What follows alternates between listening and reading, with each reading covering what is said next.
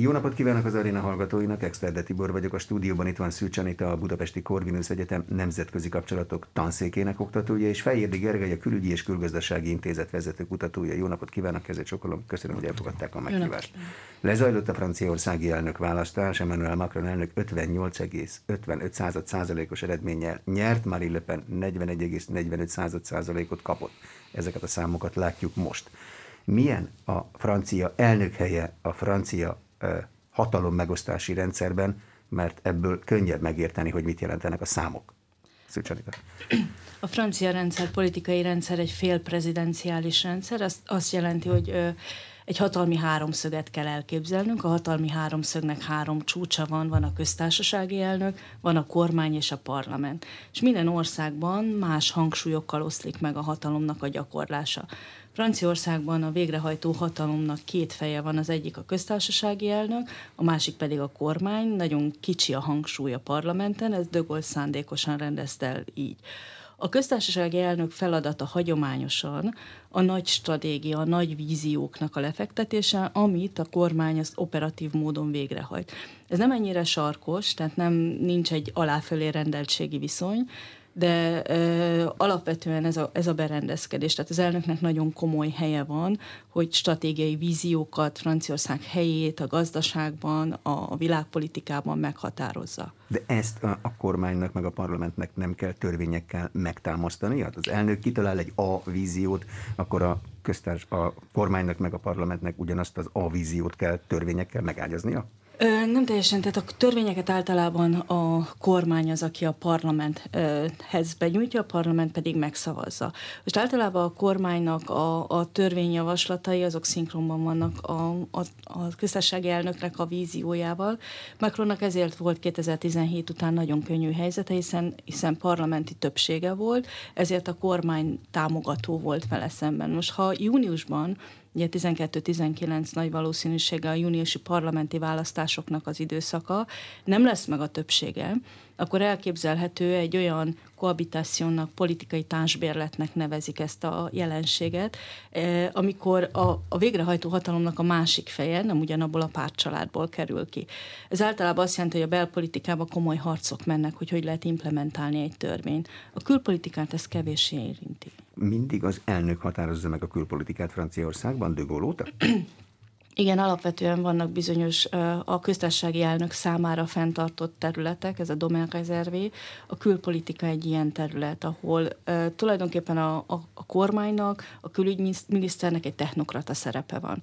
Ott teljes egészében a köztársasági elnöknek a felelőssége az, hogy milyen fajta külpolitikát visz Franciaország. Mi számít Franciaországban külpolitikának, mert ha tanulmányaimra visszagondolok, a gyarmattartó Franciaország, világhatalom Franciaország, meg az Európai Uniós Franciaország külpolitikája az alig ha ugyanaz. Hát alapvetően a, a volt gyarmat, ugye mert nincsenek gyarmatai, de a, a tengeren túli területei azok alapvetően és megyéi, és ennek átszervezett formái, ezek a belpolitikának a részét képezik. A külpolitikának szigorúan a külkapcsolati rendszer, az Európai Uniós külkapcsolati rendszer és a többi külkapcsolati rendszer számít. Folytassuk akkor innen. Nem vagyok többé egy politikai tábor jelöltje, hanem mindenki elnöke vagyok, mondta Emmanuel Macron győzelmi beszédében. Ez alkalmat ad arra, hogy a francia politikai táborokról beszéljünk. Milyen politikai táborok vannak Franciaországban? Hát, mint ahogy láttuk itt a ö, első és második fordulóban is, jól látszik ez, gyakorlatilag nagyon megosztott a francia társadalom, annak ellenére, hogy úgy tűnik, hogy ez, a, ez az 58,5%-os előny, vagy amivel ugye megnyerte a választásokat Emmanuel Macron, ez nem azt jelenti, hogy ennyi személy támogatná őt maximálisan. Itt azért nagyon sok az úgynevezett volt ütil, ahogy mondják a franciák, tehát egy olyan, válasz, olyan választás, olyan voks, amely gyakorlatilag valaki ellen szól, de nem feltétlen valaki mellett. Ugye ne felejtsük el, hogy már Le Penről van itt szó, aki a másik jelölt volt a második fordulóba, aki gyakorlatilag akinek a visszatért az a politikai gondolat itt a két forduló, forduló között, hogy itt gyakorlatilag a szélső jobb oldallal szembe kell fellépni, holott Marine Le a politikája talán sokkal inkább egy radikális jobb oldal, de már nem az a szélső jobb oldal, mint ami Jean-Marie Le esetében volt az ő édesapja esetében, tehát 20 évvel ezelőtti politika. Gyakorlatilag azt kell látnunk, hogy Franciaországnak a belpolitikai súlyai azok egy picit jobbra tolódtak, ugye ezt már a múlt alkalommal is próbáltuk így körbejárni, akkor láttuk azt, hogy az első forduló után gyakorlatilag a klasszikus pártok teljes mértékben háttérbe szorultak. Ugye ide tartoznak azok a pártok, amik az ötödik köztársaság, tehát 1958 óta meghatározó elemei voltak, ilyen a sárközi féle akit így szoktunk emlegetni, ugye a jobb középpárt, ami gyakorlatilag minimális támogatottságot kapott, még 5%-ot se ért el, ami ugye ahhoz szükséges, hogy bizonyos féktékig visszakapjon azokból az összegekből, amiből a kampányt finanszírozták, ugye az állam utó finanszírozza a kampányt. Vagy ott van a szocialista párt, ami gyakorlatilag 2017-ben is már nagyon rossz állapotba került, de itt szinte teljesen lekerült a napirendről. Viszont úgy tűnik, hogy ma a fő három főpont alakult ki, talán inkább négy. Az egyik főpont ugye a Emmanuel Macron körüli inkább centrista kör, csoport, ahova nagyon sokan akár a jobb középről, bal középről is beálltak mögé, hiszen nincs megfelelő erő ezekben a pártokban jelen pillanatban, vagy láthatóan nem valószínű, hogy ezek a pártok fel tudnak állni, vagy lábra tudnak állni rövid időn belül, tehát itt pontosan a parlamenti választások esetében is. Vélhetően még, hogyha akár republikánus párti vagy szocialista párti képviseletben is indulnak, akkor is valószínűleg erősíteni fogják a Macron-féle centrista vonalat. Ezzel szemben viszont ott találunk a jobb oldalon két nagyobb erőt. Az egyik ugye Marine Le Pennek a pártja, aminek ugye mindig az a nagy problémája, hogy megfelelő jelöltet tudjon találni a parlamenti választásokhoz. Ugyanis ott a, nem a, a tehát ott nagyon fontos tényező, hogy személyekre szavazunk, és nem listákra szavazunk, ami azért lesz érdekes, mert itt a, a személyi szavazások esetében nagyon sok esetben ugye a személy meghatározó, egy ismertes személy sokkal könnyebben kap voksokat, mint egy kevésbé ismert, és általában a klasszikus pártokból érkezőek, akik jobban ismertek, mint akiket újonnan odaültetnek.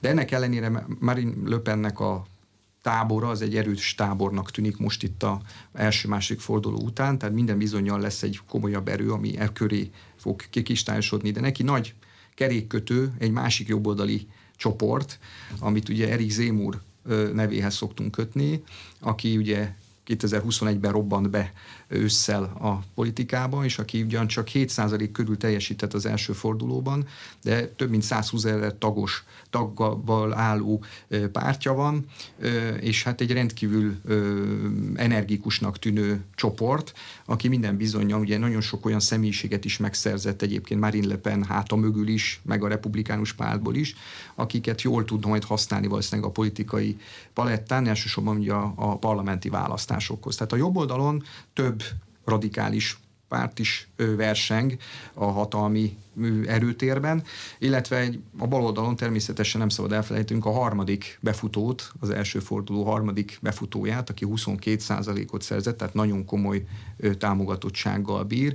Ez a Melanchon féle társaság, ugye Jean-Luc Melanchon, aki egy radikális baloldalt képvisel. Ugye ő mögötte nagyon sok olyan is van, akik alapvetően nem feltétlenül az ő személyét támogatják, de akik szerették volna, hogyha ez a baloldali gondolatok, amelyek közé inkább a szociális kérdések, illetőleg a zöld politika is tartozik, környezetvédelmi politika, hogy ez, ez, ez, ez a gondolat is előtérbe maradjon, ezért választották, vagy ő mögé álltak, tehát itt azért egy elég heterogén csoport áll a Melanchon, Jean-Luc Melanchon mögött is. Hát ő az, aki szeretné a baloldalt összefogni a, lehető legszélesebb körben, és ő már azt is rebesgeti, hogy ő akár miniszterelnök is szívesen lenne, pontosan, amit az előbb az Anita is mondott, hogy így lehetne esetleg nem kizárt egy ö, ö, úgynevezett kohabitáció, tehát ahol a kormány más színű, mint a, az elnök.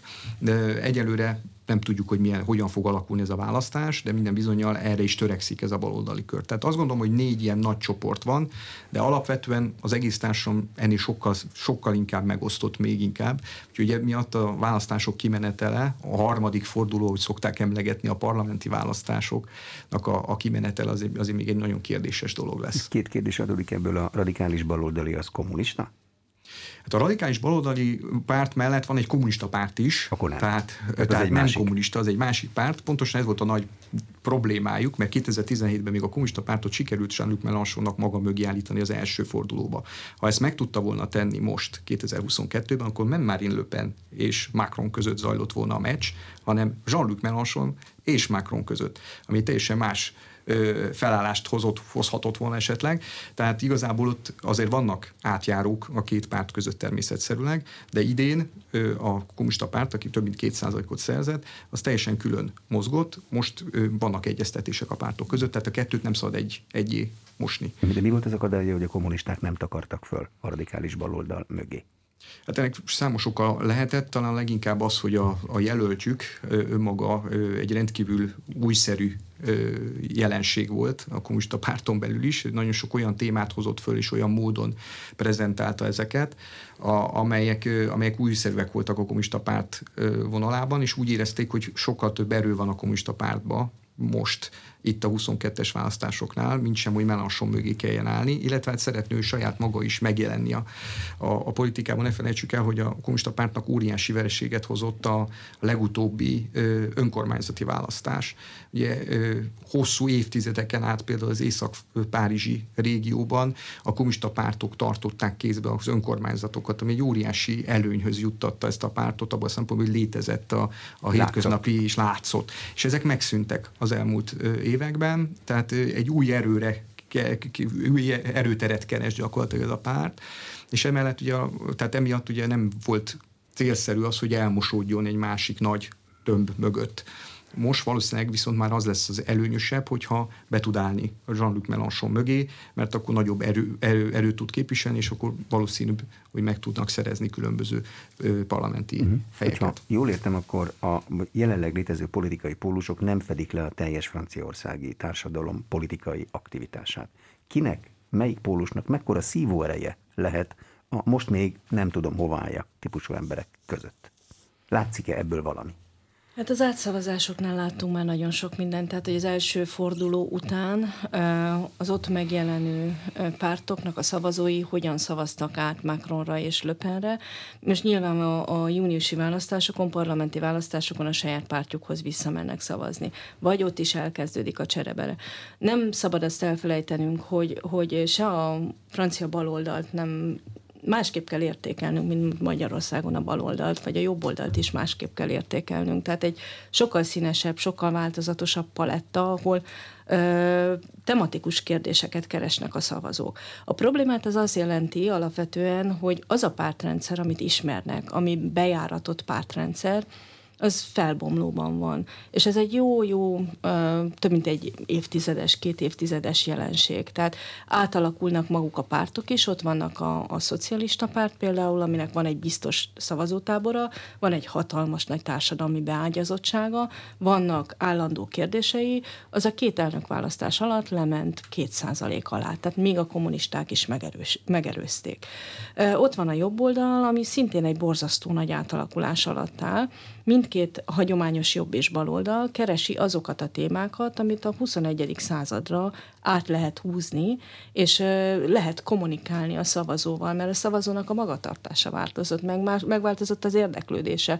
A társadalmi érzékenység nem ugyanazt jelenti, mint a hidegháború alatt. Az állam nem tudja ugyanazt a szerepet betölteni, most a, a világgazdaságban, a világpolitikában, a, a, a szociális szerepekben, mint társadalmi véd, védőernyő. Éppen ezért a szavazóknak is újra kell keresni ezeket a pontokat, a pártoknak pedig újra kell kommunikálni. Tehát ez egy óriási kommunikációs kihívás egyrészt, másrészt pedig programépítő kihívás is, hiszen Macronnak a pártja, ahogy, ahogy Gergely is nagyon jól elmondta, az Ammás, egy nagyon különös párt, egy nagyon erős baloldali programmal indul. 2017-ben a, a szavazók nagy része baloldali, aki rászavaz, nagyon környezettudatos, környezetvédelmi érzékenységgel, társadalmi érzékenységgel, és ez a párt 2022-re elmegy ö, egy olyan irányba, ahol már jól látjuk a regionális választásokon, az önkormányzati választásokon, hogy fokozottan azt a jobboldali szavazót vonza, akinek a, a látóterében a központi kérdés az a gazdaság, a gazdasági liberalizációnak a kérdése. Az a kérdés, hogy Franciaország, a francia gazdaság mennyire marad el itt a világpiaci versenyben, vagy mennyire nem marad el. Tehát egy teljes szavazótábor csere, kis túlzással, azért ez egy túlzás, de, de ezt mondhatjuk, hogy lezajlódik a másnál. Látjuk azt, hogy a jobb oldalon szintén az a az a szavazó, aki hagyományosan azért szavaz a jobb középre, mert a francia hagyományos identitás fontos neki, az a Franciaország, ami a 60-as években létezett, vagy a 70-es vagy 80-as években létezett, ez a Franciaország képe van, az most elkezd elmenni Le Pen felé, és Marine Le Pennek a nemzeti tömörülésében, a modernizált pártjában, ami a szélsőséges elemeket nyesegeti le magáról, ott megtalálja a saját e, számítását. Érik Zemmour ettől egy sokkal radikálisabb e, e, programot képvisel, ahol az idősebb, konzervatív férfiakat szólítja meg. Neki nagyon kevés női szavazó van, ja, van ugye kimondottan nőgyűlölő témái is vannak, de um, ez egy érdekes dolog, hogy hogy változik. A baloldali szavazók nagy bajban vannak, mert Melanchon tud egy, Jean-Luc Mélenchonnak van egy olyan izgalmas programja, ami hagyományosan a radikális szocializmusra épül, ami már ismert akár a hidegháborúból, akár a, a, a 90-es évekből, ami biztosítja azt, és újra mondja, hogy a, a francia modell, ahol az államnak az a szerepe, hogy a piaci erők ellenében a munkavállalót megvédje, a szociális hálót biztosítsa, ez van a programnak a központjával, és ezt frissíti fel környezetvédelmi kérdések kérdésekkel, ami meg a fiataloknak nagyon fontos illetve hát a középkori franciáknak. Tehát nagyon sok embert el tud vonzani arról a nagyon színes baloldalról, ahol, ahol klasszikusan a, csak a kommunizmusnak 10-15 válfaja él és létezik. Tehát Iszonyú bonyolultnak tűnik így halva is. Hogy csinálják a franciák, a francia politikusok? Érzésre próbálják a programjukat úgy formálni, hogy a lehető legtöbb embert hozzák be, vagy megfókusz csoportozzák a népet, és kit találják, hogy ott van egy millió ember, az ezt szeretné hallani, a programomba ezért ezt be kell tenni. Szerintem mind a kettő érvényes, tehát mindenképpen vannak célzott csoportok, akikre támaszkodni kíván egy-egy francia politikus. Ezzel párhuzamosan természetesen van egyfajta érzés is, hogy körülbelül mire kíváncsi a francia társadalom. És azt gondolom, hogy itt ez, ez egy nagyon fontos dolog. Ma a francia politikai elit kénytelen szembenézni azzal, hogy most már gyakorlatilag évtizedek óta egyre nagyobb a kiábrándulás a francia, ez nem csak francia jelenség természetszerűleg, de Franciaország is nagyon szépen látszik és jelen van, hogy a francia társadalomnak jelentős része kiábrándult a klasszikus politikusi táborból, tehát azokból a politikusokból, akik eddig gyakorlatilag mindig felhatalmazást kaptak arra, hogy különböző legyen az jobboldali, baloldali politikus, teljesen mindegy, meg végrehajtsanak valamilyen programot, amit sok legtöbb esetben nem is nagyon tudtak végrehajtani, hiszen sokszor blokkolva volt az a témakör, amiket ők meghirdettek. Ez jól látszik egyébként abból is, hogy a második fordulóban, tehát közel 28%-os volt ugye a távolmaradás, és ha ezzel hozzátesszük még azokat a a, szavazatokat, amelyek érvénytelenek voltak, az 30% fölé kuszik rendesen, 33-34%-ig. Tehát azért ez jól mutatja azt, hogy a francia társadalomból eleve csak a, a, a, ugye azt is se felejtsük el, hogy a francia társadalomban elég nagy azoknak a száma, akik nincsenek egyáltalán feliratkozva ö, választási listára sem.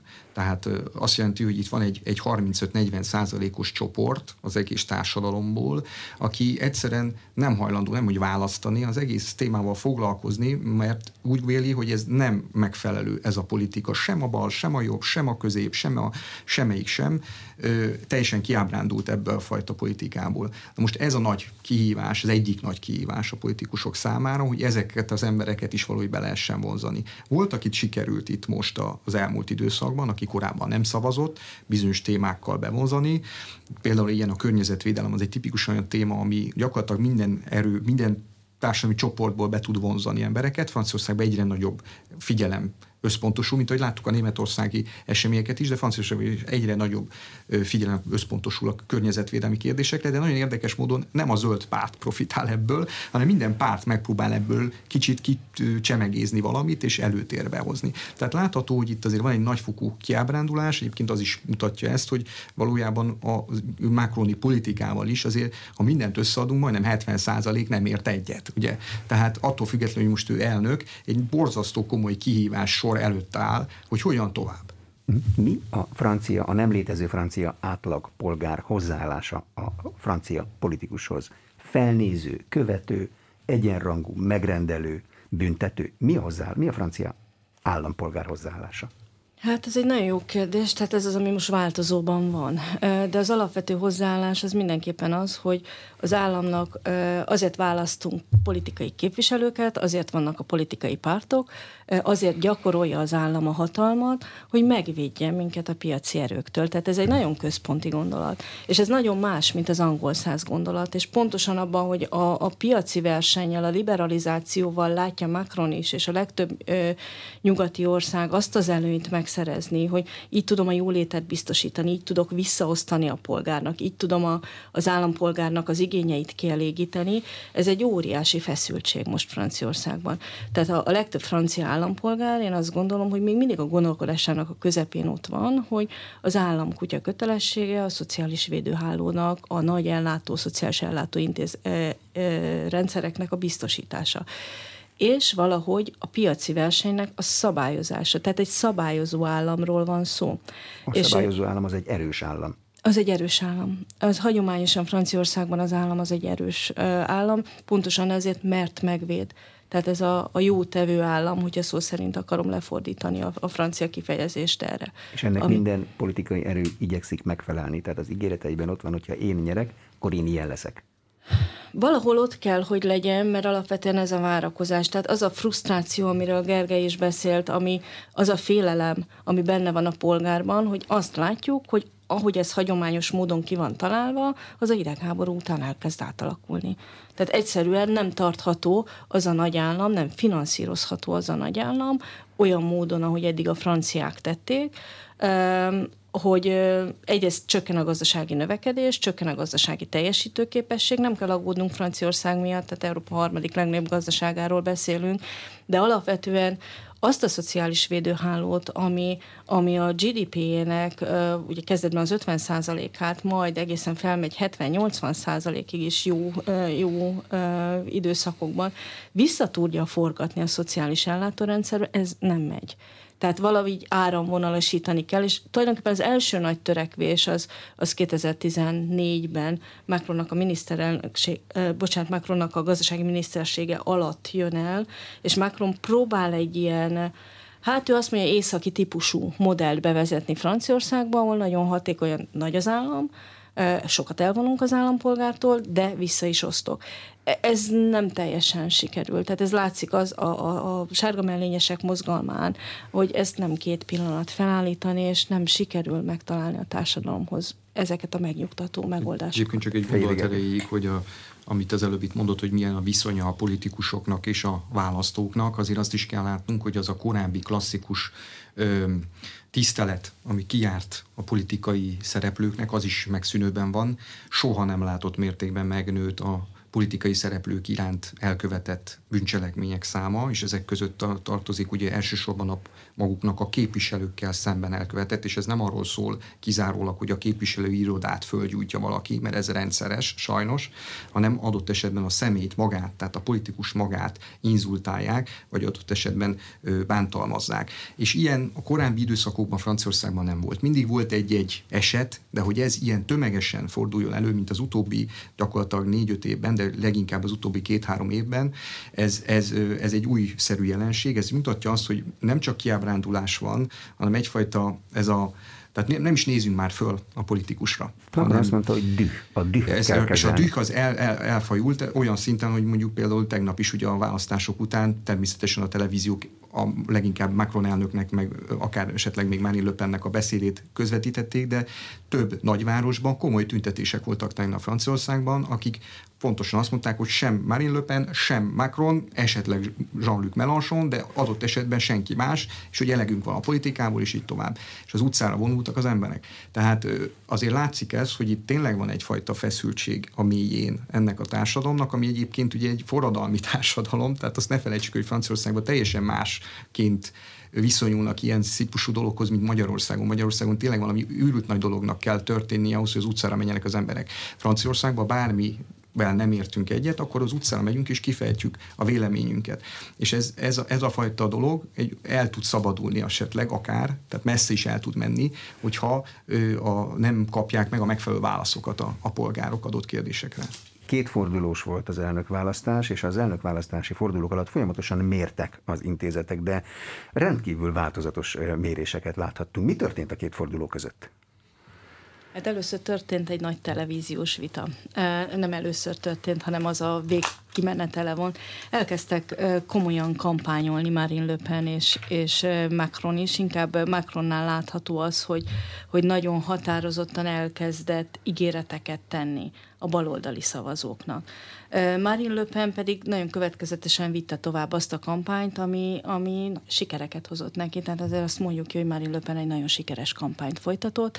Ez a, a támogatói szavazatoknak a növekedésén is látszik. Nem volt elég ahhoz, hogy, hogy elérje az elnöki széket, de alapvetően növelte a saját táb- hallgató, szavazói táborát. Ugye 2017-hez képest 5 millió szavazóval többje van. Igen. Azért az nem akármi egy választási, ebben a választási rendszerben. Igen, tehát ez egy tehát nagyon alapvetően kifizetődik az, hogy ő behúzódik a középre, és viszi el a jobb középpártoknak a szavazóit. Macron elnöknél pedig nagyon világosan látszik, hogy ez nagyon erős jobbra tolódás, ami az ő elnökségét jellemezte, hát annak most megjött a hátulütője. Tehát a, a kezdeti szavazótábora a baloldali táborból alig-alig kapott szavazatokat, nagyon kevés szavazat ment rá, inkább azok, akik a, a gazdasági kérdésekkel együtt, egyetértettek, de egyébként ott egy óriási lemorzsolódást tapasztalt, és kénytelen volt ígéreket, ígéreteket tenni. Kénytelen volt úgy megszólítani a baloldali szavazókat, hogy onnan mobilizálni tudjon. És hát a, a nagy történés az április 20-án a, a televíziós vita volt, ugye Franciaországban ez egy óriási esemény, több mint 15 millióan hallgatták, és kíváncsiak voltak arra, hogy mind Marine Le Pen, mind Macron elnök milyen elnök lenne, mi az, amit ígér, mi az, amit a programja, hogy tudják egymást meggyőzni. És ebből a szempontból megint Marine Le Pen sokkal jobban szerepelt, mint 2017-ben, sokkal visszafogottabb volt. A franciák számára borzasztóan fontos, hogy, hogy egy meggyőző államférfi szerepben tündöklő személy legyen ott, aki nem arrogáns, aki nem félénk, aki tudja, hogy mit csinál, aki tisztában van a számokkal, tisztában van a tendenciákkal, ugyanakkor nem technokrata.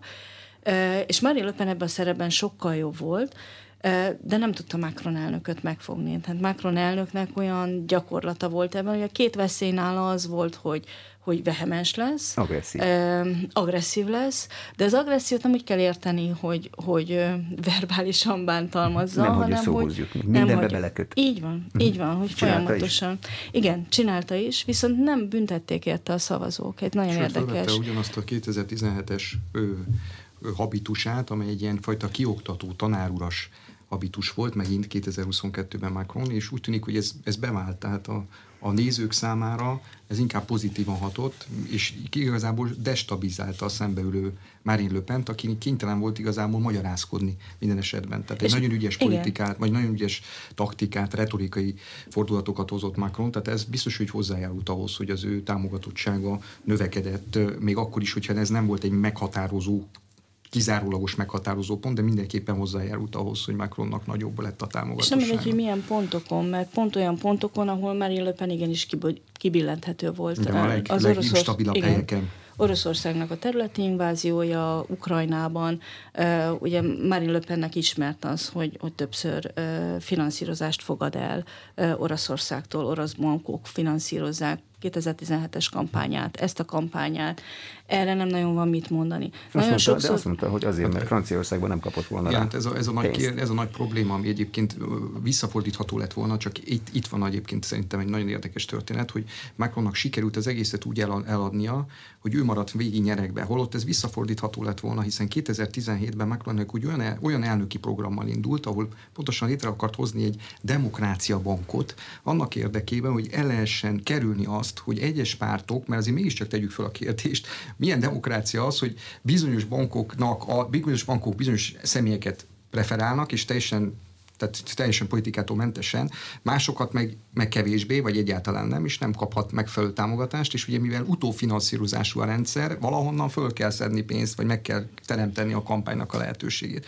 Most de nem szükségszerűen Oroszországban. De nem feltétlenül szükségszerűen Oroszországban, de valószínűség szerint ugye máshonnan nem volt lehetősége, meg nyilván a kapcsolatai meg voltak, tehát ezt nem, kell, nem Jó, lehet ebben tagadni. a kampányban Magyarországról Most is kapott nem Magyarországról kapott, ugyanis van egy újabb klauzula, ha szabad így fogalmazni, vagy olyan megszorítás, hogy csak Európai Uniós országtól lehet felvenni támogatást, és ki akarták szülni, ne az oroszok, vagy ne mit tudom, Kínától, vagy nem tudom, honnan kerüljön pénz a, a, a választó, vagy a, a, a jelöltnek a, fin, a kampány finanszírozására. De ugyanakkor azonban ott van azért, visszafordíthatta volna már élőpen azzal, hogy elnézést elnök úr, ő megígérte 2017-ből lesz ez a demokrácia bank, ebből nem lett semmi, tehát kénytelen továbbra is, de annyira ügyesen és erőteljesen, vehemensen, kioktatósan tudott beszélni olyan témákban, ami teljesen kihozta, tehát kihozta igazából a lába alól a talajt, kihúzta több sok esetben a Marine Le Pennek a lába alól, annak ellenére, sokszor visszatudott azért válaszolni egy-egy kérdésre, sokkal jobban szerepelt, én is megerősítem, mint 2017-ben,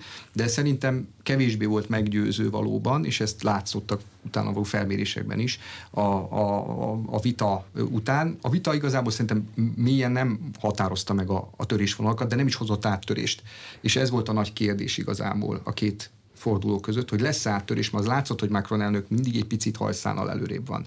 De, de van, tud csak már, tényleg hajszállal. És volt olyan pillanat, hogy tényleg csak hajszállal, de hogy, hogy ez meg tud-e törni, mert esetleg a Marine Le Pen rendkívül jól szerepel ezen a tévébeszélő, akkor át tudott volna Nem értek egyet, esetben. mert hogy ö, ugye folyamatosan mérték azt, nagyon szép de grafikus ábrák vannak arról, De már hogy előtt is mérték 52, 53, 54-re, sőt 56-ra az Hogyan válik el a, az egymáshoz viszonyított szavazati arány, és az látszott, hogy Hát van egy állandóság az utolsó egy évben, majd amikor bejön uh, az orosz háború, akkor ez elkezd észveszejtően Igen, szétmenni, Macron növekedni kezd, Le Pen csökkenni kezd, majd mikor Marine Le Pen itt rendkívül ügyesen ebből a helyzetből előhozza és kampány témává teszi, és a közepévé teszi megélhetési kérdéseket, pont egy olyan helyzetben, amikor az energiaárak elszabadulnak, amikor, amikor kérdések vannak arra, hogy milyen árnövekedés lesz, a benzinárának a növekedése hogyan hat majd minden árra, hogyan hat a bérekre, ezeknek a viszonyára,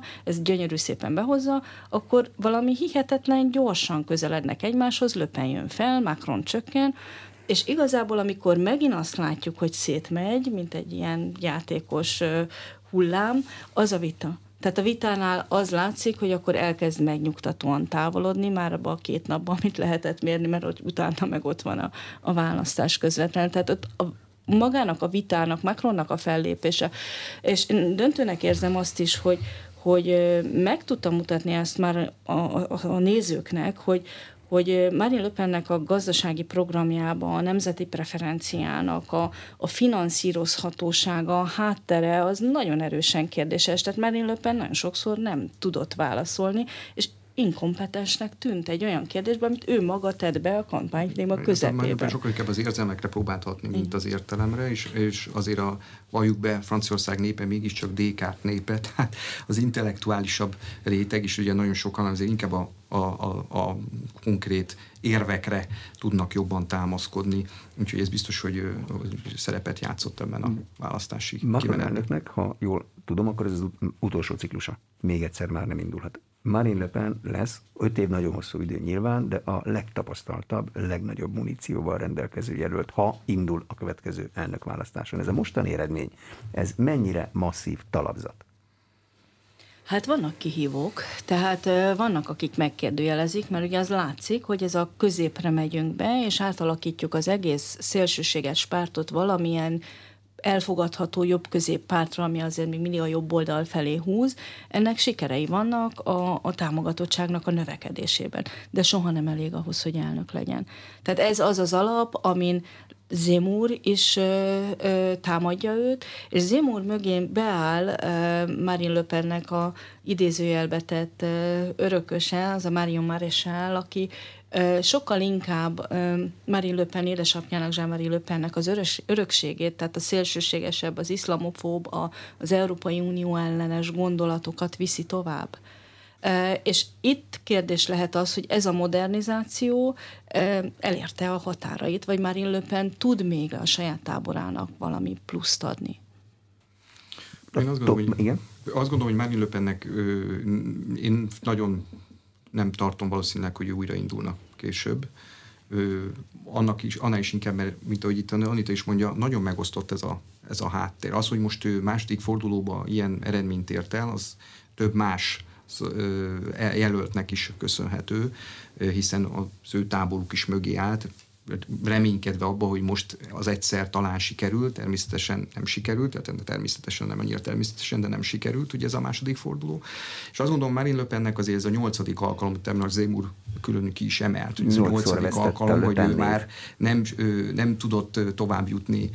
Na most egy ilyen politikus nőnél most nyilván nem fogja ezt mondani, hogy én most visszalépek, hiszen most olyan a harmadik forduló, a, a parlamenti választás neki végig kell vinni, de azért nagyon erősen hangsúlyozta már a tegnapi beszédében is, hogy az ő pártelnökét, Bárdellát fogja előtérbe venni, őt fogja fölkarolni, és így tovább. Tehát én azt látom, hogy ott szerintem lesz egy rövid, rövid időn belül várhatóan egy, egy őrségváltás a párt élén, és valóban a kihívók Marion Marisál például a családnak a következő generációja, illetőleg akár Zémur oldaláról, mert ugye Marion Marisál és Zémur között sem teljesen világos és tiszta a kép, hogy ők ott hogyan, miként akarnak. Tehát én nem tartom valószínűleg, hogy Marine Le Pennek bármikor is megadathat az, hogy ennél magasabb pozíciót, vagy ennél nagyobb hatalmi súlyra szert tegyen. És itt meg aláhúznék még egy dolgot, én azt gondolom, hogy Marine Le a lehető legjobb eredményt kapta bizonyos fokig. Mert ha megnyeri a választást, és ha eljátszunk azzal a gondolattal, hogy mi történik utána, azért nem vagyok benne biztos, hogy Franciaország egy olyan ö, flottú működő ország lehetett volna, már csak a külföldi, a külpolitikai szituációt tekintve is, az Európai Unió hogyan reagált volna erre, hogyan reagált volna az Egyesült Államok erre, különösen az orosz konfliktus hátterét is figyelembe véve. Nyugodtan rá lehetett volna sózni a Marine Le Penre, teljesen gondmentesen, hogy orosz ügynök, és úgy került hatalomra, és így Jó, tovább. de hát Marine Le Pen szuverenista Franciaország, Igen. meg egy hatalmas ország, hát nem egy falat kenyér, hogyha de nem egy falat kenyér, de nagyon pici ország ahhoz képest, hogy mekkora a világ körülöttünk azért, tehát ö, még akkor is, hogyha egy középhatalomról van szó, nagyon félek tőle, hogy egy nagyon beszorított keretek közé, illetve teljesen kénytelen volna eltérni azoktól a politikai irányoktól, amelyeket ő meg, megszabott előre, vagy részben el kénytelen lett volna, és akkor nagyon, sok, nagyon sokan kiábrándultak volna belőle, szerintem nagyon rövid időn belül, és így viszont ő egy, egy, egy meg nem értett vesztes, aki valójában félig meddig győztes, ezt éreztük tegnap is a beszédében. Hiszen eljutott a maximumig, vagy lehetőség szerint nagyjából a maximumig, amit el lehet jutni, és ő valójában az utcán, ha megszólítják bárki, akkor ő végül is mindenki csak együttérzését fogja neki kifejezni, és egy, egy, egy, egy végül bizonyos fokig dicsőséggel hagyhatja el a politika terepet. Ha túl sokat marad ezen a palettán, akkor nincs semmi biztosíték arra, hogy egy hasonló eredményt tud elérni, és egy hasonló dicsőséges távozást tud ö, ö, ez, ö, létrehozni. Meg hát hogyan reagáltak volna a befektetők? És hát Tehát, így van, a persze, gazdasági persze. szereplők Tehát, hogyan reagáltak borzasztó volna? Komoly, komoly reakciók lettek volna. Tehát itt az, a, az az érrendszer szerintem teljesen fals, aki azt mondja, hogy a nagy Franciaország, meg hát Franciaország, de Franciaország az egy tagja az Európai Uniónak. Semmi, semmi oka nincsen arra, Németország sem hiszem, biztos, hogy lettek volna kompromisszumkeresési lehetőségek, egyebek, de hogy Franciaországnak a szerepe biztos, hogy sokkal inkább leredukálódott volna, mind az európai belül, mind pedig a nemzetközi világban szinte száz százalék a hát pénzügyi hát gazdasági El tudjuk fogadni azt, hogy De Gaulle maga a legnagyobb szuverenista, ezt szerintem el tudjuk fogadni mindenki, a, a nemzeti érzésnek a, a képviselője, megtestesítője. De Gaulle maga indul el az Európai Uniónak az útján, és nem, nem egy, hiába van a retorikájában mindig benne, hogy a nemzetállamok Európájának az, az erősítése, de ha megnézzük, hogy mikor indulnak el a nagy közös politikák, a vámpolitika, a, a, a mezőgazdasági politika, az bizony Dögol alá esik. Tehát már Dögol is nagyon sok esetben látja azt, hogy a francia érdek az nem elszigetelten érvényesíthető, hanem a francia érdeket alapvetően az európai színpadon kell érvényesíteni, tehát Európát franciává kell tenni, francia modell alapján kell megalkotni, és ebben a tekintetben már Dögolnak a képesem az, hogy, hogy leválunk Európáról, vagy leválunk a világról, és egyedül állunk. És azt mondom, hogy ez, ha csak ezt a külpolitikát nézzük ebből a szempontból, de a belpolitikai vonatkozásokban sem olyan egyszerű lett volna a képlet, hiszen a újabb elnöknek őrült sok olyan feladata lesz, olyan szituációkkal találja szembe magát, amihez tényleg egy tapasztalt embernek kell lenni, és megfelelő módon kell tudni reagálni a magas inflációra. Igazából a, a válság jelei, amelyek korábban csak megjelentek, azoknak az eredményei, azok most fognak az őszre leképeződni, a, vagy akár nyárra már. Az élelmiszerárakban már most is látszik, de ez egyre inkább súlyosabb lesz. Tehát a következő elnöknek nem egy, egy hogy mondjam, egy, egy egyszerű feladata van a következőben, és hogy ebből a szempontból már Le Pen bizonyos fokig előnybe lehet, hogyha idézővel ellenzékbe kerül, hiszen tovább mondhatja, hogy nézzük, hát Emmanuel Macron nem tudja kézbe tartani ezeket a dolgokat, tehát viszont, hogyha ő került volna hatalomra, akkor nagyon hamar lehetett volna azt mondani, hogy hát képtelen kezelni ezeket a kérdéseket, lát, tessék, lássék, tehát őnek is sokkal hamarabb kerültek volna szembe kritikus hangok, mivel a francia társadalomnak azért Marine Le nem a, ő, is, ő sem több mint 30 százalék. Tehát igazából itt az a, az, a, az a helyzet alakult ki, hogy itt nincsen többség egyik jelölt mögött sem, valójában, és itt ez, ez ebből az okból kifolyólag senkinek nincsen igazából olyan lehetősége, hogy itten ö, azonnal győzelmet kiáltson ki. Egyébként Macron ezt nagyon jól látta tegnapi nap folyamán, amikor a beszédét is mondtam, hogy kiválóan rövid volt, ami az, ő szokásától teljesen eltérő órás beszédeket szokott tartani, de itt most nagyon röviden és nagyon-nagyon őszintén, másrészt pedig nagyon visszafogottan nyilatkozott, picit előrevetítve, hogy itt azért, ha nem is mint Churchill, hogy vért fogok, meg könnyeket fogok önöknek hát előrevetíteni, de láttatta azt, hogy itt egy nagyon nehéz időszak előtt áll Franciaország. De történelmi, azt Így mondta. Van. Bármit is jelentsen ez. Mit jelent a franciák számára az, hogy történelmi idők jönnek? Áldozatokat? Nehézségeket? És változást. És változást. Tehát, és változást mindenképpen. Tehát ö, ö, pusztán a, a, az ukrajnai események miatt látjuk azt, hogy megváltozik az a környezet, amit, amit hát a növekedésben, a, a gazdaság biztonságban el lehet érni. Tehát a koronaválság után eznek a válságnak a begyűrűzése, a benzinárának, vagy az olajfüggőségnek a csökkentése, ez nem megy két perc alatt. Ugye ezt látjuk, hogy az Európai Unió jóval korábban, tehát már 2015-ben megkezdi a dekarbonizációt. De a dekarbonizációnak annak a részénél tartunk, hogy a, a szenet próbáljuk kivezetni, és az olaj és a gázfüggőség mindig nagyon erős Oroszországtól. Hogy ezt hogy lehet kiváltani, a franciák tárgyalnak Szaudarábiával, ott nagyon komoly tárgyalások vannak, én személy szerint nagyon kíváncsi leszek arra, hogy Iránt hogy lehet majd visszahozni ebbe a játékba, hiszen Iránnál látjuk azt, hogy a szankciók ugye mennek ki, ott konszolidálódik a helyzet, ez egy szerencsés lépés volna, hiszen ez egy nagyon olcsó olaj, itt meggyorsítaná az orosz, orosz függőségnek a kiváltását, de hát ez nem két hónap vagy három hónap, hanem ez egy nagyon hosszú időszak lehet, amíg ez, ez stabilizálódik. Tehát ez mindenképpen a megélhetési költségek szintjén áldozatot kíván a franciáktól. És ott van az a düh, amiről beszéltünk itt az első felében a beszélgetésnek, az a frusztráció, hogy ezt az államnak biztosítania kell. Ezt ígérte nekünk Macron elnök, még Marine Le Pen is ezekkel az ígéretekkel jött, és valami olyan ö, dolog történik, hogy nem fogjuk megkapni azt a biztonságot, amivel visszatekintünk a múltba, hogy ez a régen minden jobb volt szemlélettel. Úgyhogy ez egy nagyon-nagyon-nagyon nehéz időszak jön. Még akkor is, hogyha pozitívumként ott van az, hogy az Európai Unió és Macron számára ez egy kiemelt jelentőségű terület. Az Európai Unió a válság hatására több területen zár.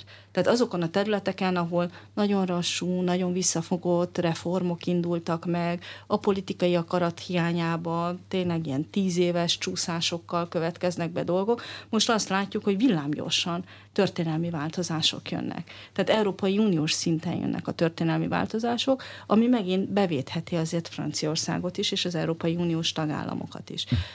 Látnak olyan eseményt, ami a parlamenti választásokig nagyon átírhatná a mostani elnökválasztásra kialakult erőviszonyokat? Mondjuk a mindennapi váratlan történéseken túl, mert a háborút se láttuk előre. Hát mindig lehetnek olyan események, amelyek ugye befolyásolják ezt a témakört. Ugye azt látjuk, hogy a franciákat továbbra is elsősorban is pont, amit az Anitert elmondott, ebből adódóan leginkább továbbra is a jóléti társadalom fenntarthatósága, az a megszokott jóléti társadalmi keret, amiben eddig éltek, annak a fenntarthatósága foglalkoztatja leginkább, de második, harmadik helyen ott van például a közbiztonságnak a kérdése, miről ne feledkezzünk el, csak a most hétvégén lezajlott esemény sort, ha végignézzük, hogy mit tudom én, egy katolikus templomban megtámadnak egy papot, közben két fiatal, nem tudjuk mi okból rendőrautóra vezeti rá az autóját, le kell lőni őket. Tehát azért a, a közbiztonság az ott van a franciáknak a szeme előtt, hogy ez így nem normális, hogy Franciaországban ez, ez ilyen problémákat okoz, és sorolhatnánk is, nem, nem, nem feladatunk most ezt felsorolni, csak hogy ez, ez ott van, hogy a biztonság kérdése az ott van. Tehát ha ezen a területen bármi nagyon komoly probléma adódik, akkor lehet, hogy egy bizonyos fokú elmozdulás lehet valamilyen irányba. De azért én azt gondolom, hogy az az eredmény, ami most kijött második forduló után, tehát hogy Macron elnök és Marine Le Pen, ez egyáltalán nem egy biztos végpont a parlamenti választásokat tekintve.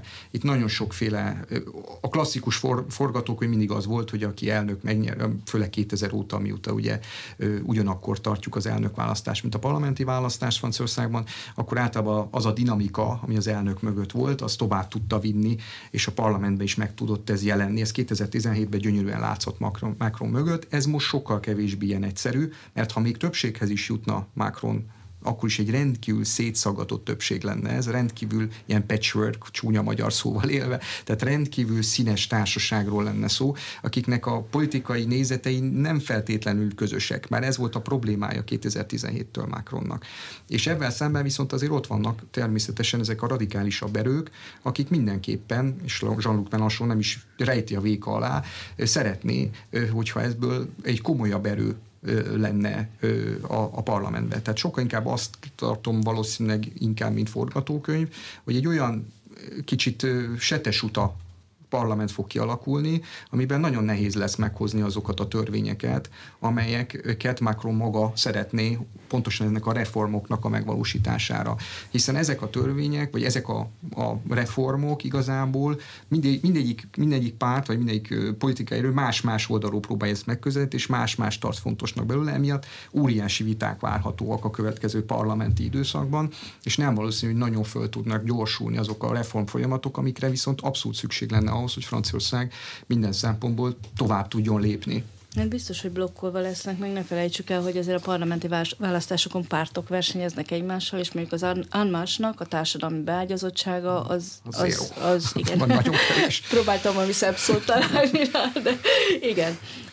Ez így van. És, és Macron elnök személye az egy köztársasági elnök választásnál tud döntő lenni, de az Anmásnak a, a körzetekre lebontott személye, ugye nem véletlen, hogy, hogy Macronnak az első ígérete, hogy, hogy ő lesz maga aki személyesen kiválasztja a jelölteket az Ammásnál. Ugye, saját Tehát, személyéből hogy, valami erő átmenjen. Igen, és ahogy Gergely mondta az elején, hogy ismertek legyenek ezek a jelöltek, hogy vonzóak legyenek a jelöltek, de már a, azoknak a pártoknak, akik borzasztóan pocsékul szerepeltek a, a szocialista párt, vagy a, a republikán, a, a jobb, oldal, a jobb középpárt, azoknak a társadalmi beágyazottsága is nagyobb. Másrészt Milanson, én azt gondolom, hogy egy olyan széles ö, közeget tudott megszólítani, hogy ez a lendület, ö, amiről Gergely is beszélt, hogy él az elnök választással, talán neki áll a legjobban. Talán neki áll a legjobban. Tehát még Marine Le is a a megosztottsággal, hogy Zémúrnak a szavazói, akkor a, a visszatérő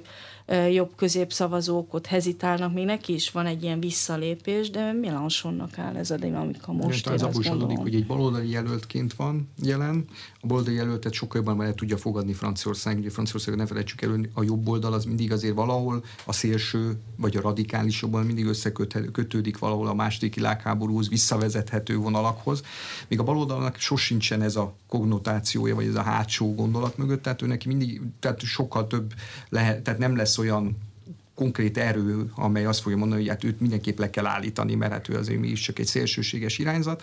És ugye nagyon érződik az, hogy például a fiatalok körében nagyon nagy a támogatottsága Melansonnak, és már most látszik, hogy ez a, ez a csoport biztos, hogy aktivizálható lesz, és a többi pártnak sokkal nehezebb maguk mögé állítani ezeket a, főleg a fiatalabb csoportokat, illetve az aktív csoportokat, ez a másik, ami nagyon érdekes, hogy az aktív, tehát a jelenleg dolgozó aktív lakosság is valahol üzenni kíván azzal, hogy Melansonra szavaz, és lehet, hogy pont ez a parlamenti választásokon fog ö, megmutatkozni, hogy olyan jelöltre fog szavazni, hogy ezzel üzen annak, hogy oké, okay, Macron, te lehetsz elnök, de viszont szeretnénk, hogyha egy másik ellenpólus ott lenne, aki viszont környezetvédelem, szociális kérdésekben végre kézbe venni a dolgokat, és úgy csinálná, hogy egy része a társamnak szeretné. És ezzel visszaérünk a beszélgetés elejére, mert hogy meg van kötve Macron keze.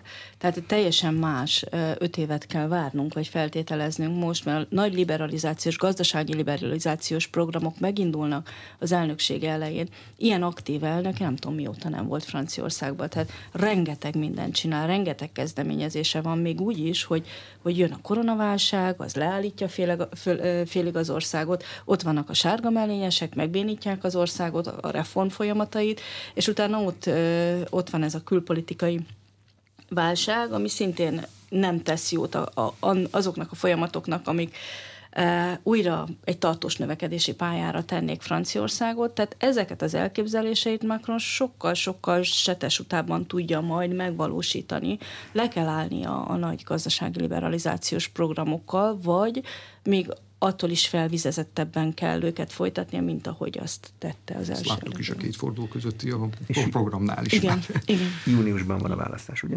12-19. Akkor szerintem, ha hozzájárulnak, akkor folytatjuk onnan.